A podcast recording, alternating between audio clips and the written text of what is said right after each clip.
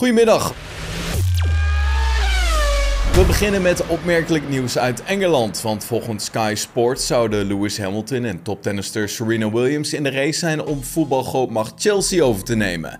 Volgens Sky zou het tweetal per persoon bereid zijn om zo'n 10 miljoen pond in te leggen als onderdeel van de overname. Of de overname door de groep van Hamilton en Williams kans van slagen heeft, dat moet de komende weken gaan blijken. Maar goed, dat de actie van de Brit op zijn zachtst gezegd opmerkelijk is, dat is wel een feit. Want Hamilton heeft namelijk vaker aangegeven fan te zijn van Arsenal, een van de grootste rivalen van Chelsea. De actie van de zevenvoudig wereldkampioen zal daar in ieder geval niet in goede aard vallen. Volgens Sky wil Hamilton bij een geslaagde overname een formele rol gaan spelen omtrent diversiteit, gelijkheid en inclusiviteit te promoten. Gaan we door met Max Verstappen. Hij voerde dit seizoen al enkele keren een intens gevecht uit met Charles Leclerc, maar die gevechten worden voorlopig op een andere manier gevoerd dan vorig jaar tegen Lewis Hamilton. De Nederlander kijkt terug naar de gevechten van vorig jaar en de heetgebakken confrontaties met de zevenvoudig wereldkampioen. Voorlopig is er niks meer te bekennen van de rivaliteit tussen Verstappen en Hamilton en heeft de Nederlander vooral zijn pijlen gericht op de Ferrari-mannen.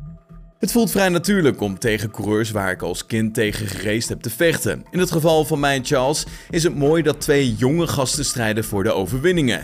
Tot nu toe hebben we mooie gevechten. Daarnaast vind ik het mooi om Sainz in een competitieve Ferrari te zien nadat we samen gedebuteerd hebben bij Toro Rosso in 2015. Zo vertelt Max aan La Gazzetta dello Sport.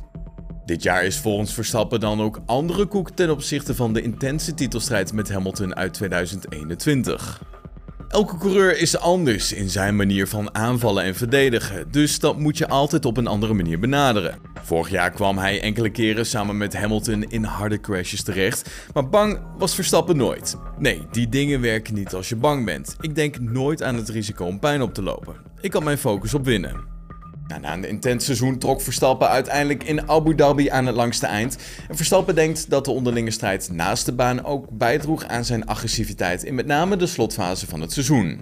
Ik denk dat de conflicten tussen Mercedes en Red Bull een enorme rol speelden in het gevecht tussen Lewis en mij en daarom ook op de dingen die plaatsvonden tijdens het kampioenschap. En dat verergerde de confrontatie op de baan. Verstappen krijgt tenslotte ook de vraag hoe het voelt om een zevenvoudig wereldkampioen te verslaan. Als Jezus. Nee, maak maar een dolletje. Ik ben gewoon Max, een gozer die ervan houdt om racewagens te besturen. Al dus, Verstappen. En met de Grand Prix van Emilia-Romagna voor de deur gaan de Formule 1-teams zich opmaken voor een race met de nieuwe generatie auto's op een ouderwets circuit. Vorig jaar zagen we de coureurs hard over de curbstones gaan om tijd te winnen, maar dat zal dit jaar wel anders gaan verlopen. Inmiddels hebben we al goed kennis kunnen maken met de nieuwe wagens. De rijhoogte speelt een onverwachte cruciale rol in het kampioenschap. Want zo willen de teams namelijk de wagens zo laag mogelijk op de grond afstellen, zodat er optimaal gebruik kan worden gemaakt van het grondeffect. Goed, door de lage rijhoogte hebben veel teams wel last van porpoising. De auto wat hoger afstellen zorgt weliswaar voor de oplossing van het probleem, alleen dit gaat dan weer ten koste van de snelheid. Nou, in Imola zijn de curbstones een stukje agressiever dan dat we de afgelopen wedstrijden hebben gezien. Dat kan dit weekend best wel een belangrijke factor worden. De auto's zijn lager en ze zijn ook stijver, dus over curbs rijden is een stukje moeilijker dan het vroeger was met de oude auto's. Maar goed, we zullen zien. Ik hoop dat wat voor uitdagingen deze nieuwe auto's ook hebben, we nog steeds competitiever zullen zijn. Al dus Kevin Magnussen tegenover autosport.com. Dat was hem dan het nieuws van vandaag. Heb je genoten van deze aflevering? Laat van je horen op onze Apple Podcast pagina of volg ons op Spotify. Zie ik je morgen weer. Tot dan. Hoi.